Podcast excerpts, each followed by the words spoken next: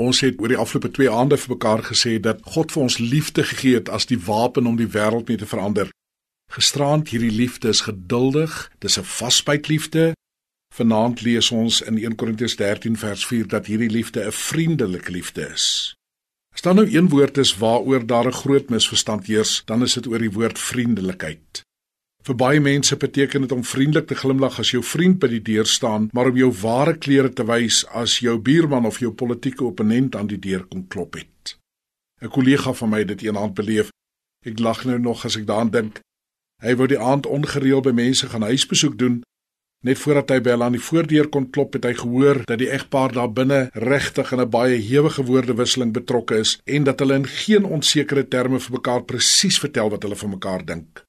Hy staan toe nou by die deur en hy wonder moet hy nie maar omdraai nie, maar so na 'n paar minute het hy moed bymekaar geskraap en aan die deur geklop.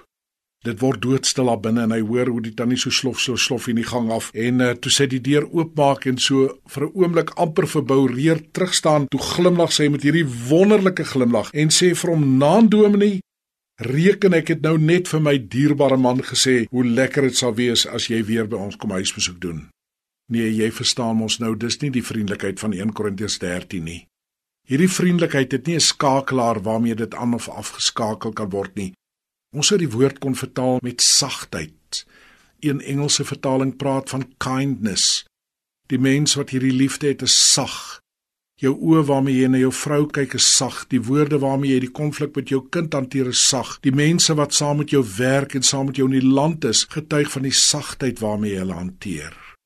Hierdie sagtheid moenie met swakheid verwar word nie. Die mens wat hierdie sagtheid het, duins nie terug vir probleme of verantwoordelikhede nie en loop ook nie met hierdie gesindheid van nou ja, laat God water maar oor God se akker loop nie. Allermins daar is egter 'n nuwe kwaliteit in die manier waarop hulle optree.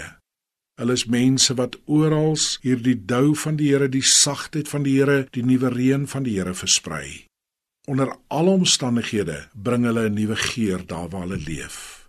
So liefde verander alles. Goeienaand.